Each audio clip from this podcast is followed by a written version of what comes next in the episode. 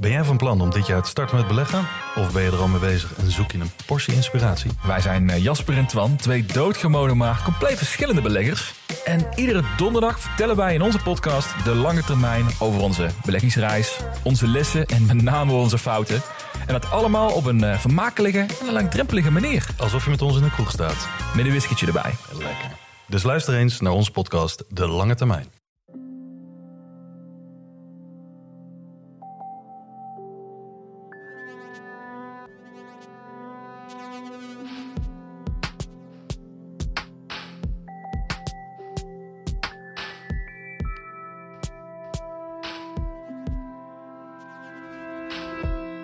Hey, ik ben Pieter van Relaas. In Relaas hoor je waargebeurde verhalen en die worden verteld door de mensen die ze zelf hebben meegemaakt. Straks hoor je het verhaal van Noël. Noël, dat is eigenlijk een trouwe verteller in Relaas. En voor deze gelegenheid vertelt hij een verhaal uit zijn kindertijd. Een verhaal dat zich afspeelt ergens tussen Gentbrugge en Ledenberg. Hij maakte het voor het eerst voor onze verhalenwandeling Ledenberg verteld. Ik ga daar straks meer over vertellen, maar eerst het verhaal van de fiets van Noël.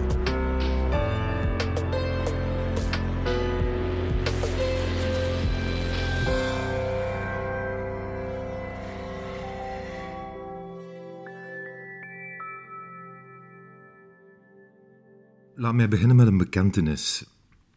Ik, eh, ik fiets graag. Zeer graag eigenlijk. Voor, voor mij is fietsen een moment van bevrijding. Zo'n moment dat je al eens alle dingen op een rijtje kunt zetten. Een ogenblik dat je zo'n keer alleen bent met je gedachten. Ik fiets dagelijks naar mijn werk. En eh, elk weekend trek ik op zondagochtend mijn flitsend wielerpakje aan en dan ga ik op tocht. Nochtans had het helemaal anders kunnen uitdraaien, want ik en de fiets hebben een verhaal. Een verhaal waarmee ik dagelijks geconfronteerd word op, op weg van en, en naar het werk.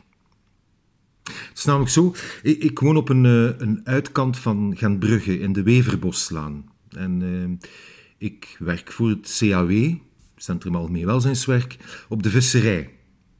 Dat betekent een, een dagelijks klein fietstochtje van ongeveer 15 minuten heen en, en 15 minuten terug. Maar voor mij is het dagelijks tochtje een uh, tochtje naar de plaats waar ik leefde en woonde in mijn jeugd. Het is namelijk zo dat de Oud-Genbrugge, en meer bepaald de Sas- en Bassijnwijk, dat is een wijk die een beetje gevrongen ligt tussen de Brusselse Steeweg en de Schelde, en flirt met de grens tussen Genbrugge en Ledenberg. Wel, in die wijk groeide ik op tijdens de jaren 70 van de vorige eeuw. In wat toen de Pontstraat was en nu de Hoge Pontstraat is.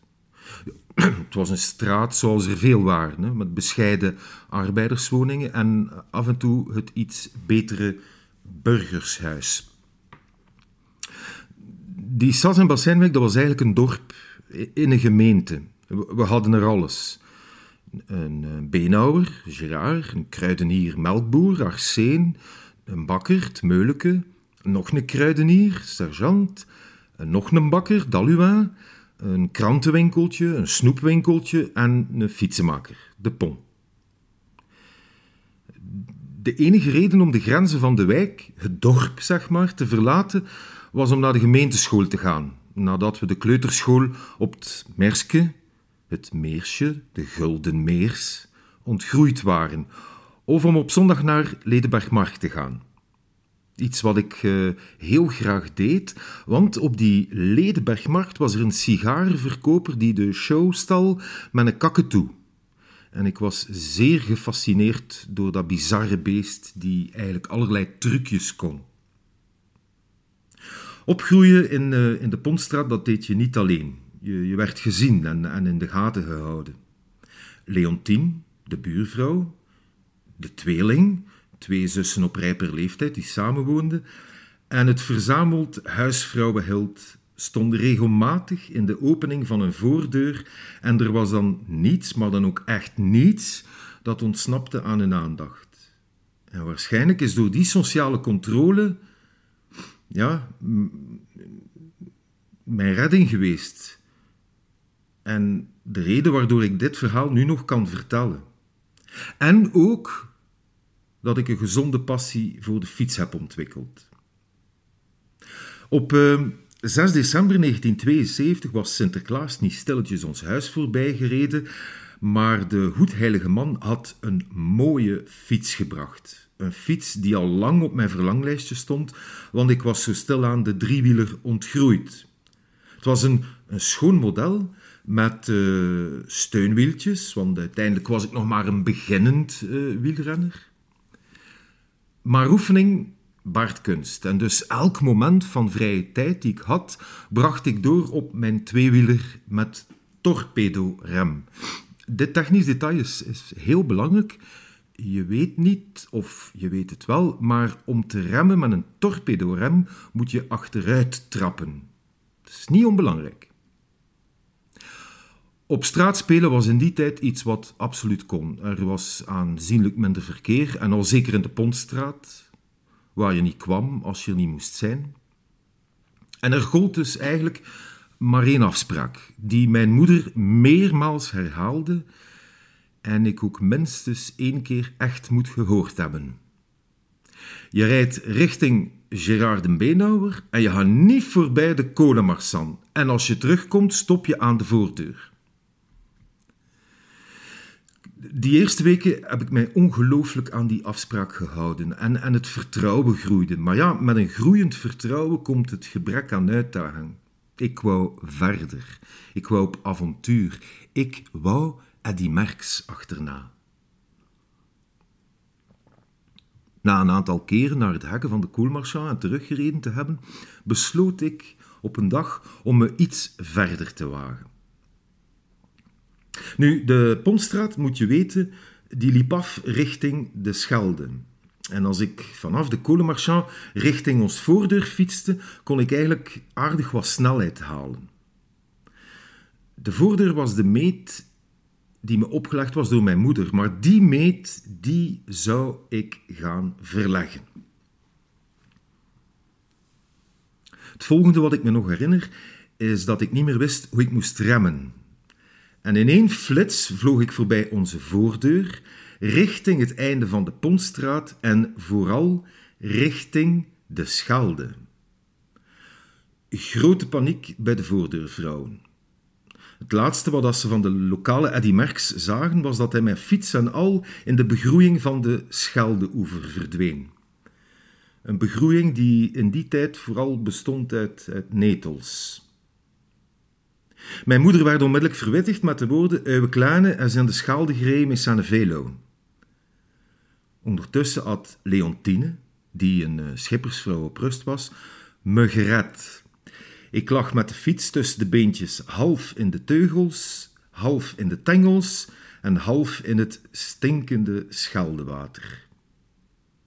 Mijn moeder kwam afgestormd, nam mij over van de buurvrouw en terwijl ze me met een therapeutisch pakje rammel richting de voordeur stuurde, riep ze dat ik de stinkende kleren moest uitdoen en jaagde ze me het huis in. Mijn fiets heeft een aantal weken op het koertje gestaan en uh, daarna mocht ik, mits een duidelijke verwittiging, om niet verder te gaan dan de Koolmarchand en niet voorbij ons voordeur, of dat ik anders kon rekenen op een klinkende oorveeg, mijn wielercarrière hervatten.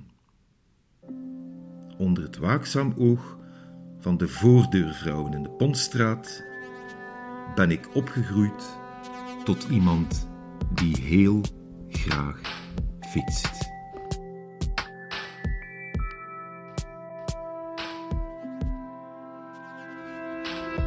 Dat was het relaas van Noël. Hij heeft het verteld in Ledenberg, speciaal voor het project Ledenberg Vertelt. En voor dat project zijn we samen met het Wijkgezondheidscentrum en een aantal andere organisaties op zoek gegaan naar tien vertellers uit de wijk Ledenberg in Gent. We hebben die kort opgeleid in een drietal workshops om een verhaal te vertellen voor onze microfoon. En een keer dat we ze allemaal hadden verzameld en opgenomen hadden, hebben we ze weer uitgezet, letterlijk. Op een kaart en in de wijk, zodat jullie, de luisteraars, wanneer je dat ook maar wilt, kunt gaan wandelen in Ledenberg en die verhalen kan vinden op de posters aan de ramen. En als je dan met je smartphone die code scant, dan begint het verhaal bijvoorbeeld van Noël te spelen. Er is ook een kaartje met alle verhalen. Dat vind je als je Ledenberg vertelt intypt in Google. Maar je kan ook zo'n kaartje afhalen in het wijkgezondheidscentrum. En dan kan je de wandeling op het gemakje doen. Alleen, of spreek eens af met vrienden, dat is ook leuk. En als je te ver woont en niet tot in Ledenberg kan komen, kan je ze wel allemaal ook vanuit je luie zetel thuis beluisteren. Ledenberg vertelt intypen in Google. Relaas is er dankzij de financiële steun van de afdeling cultuur, van de stad Gent en van de Vlaamse gemeenschap. Merci om in onze werking te blijven geloven. Ook al is dat geen evidente tijd voor ons in de cultuursector. Maar we blijven mensen samenbrengen rond ons digitaal kampvuur nu, om te doen waar we als mensen zo goed in zijn. Verhalen vertellen, niet alleen uit overlevering, maar ook gewoon om iets zinnigs te doen, om zin te geven aan wat we dag in, dag uit doen. Of om te bewaren en te herinneren, zoals een beetje het verhaal van Noël. Een mooie herinnering aan zijn kindertijd en een ongelukkig geval met een nieuwe fiets. Oh ja, als je niet genoeg krijgt van luisterverhalen, Relaas is lid van het podcastgezelschap Luister. Luister. Luister, dat is met een Y. Daar vind je de best verhalende podcasts van Vlaanderen. Zeker eens checken.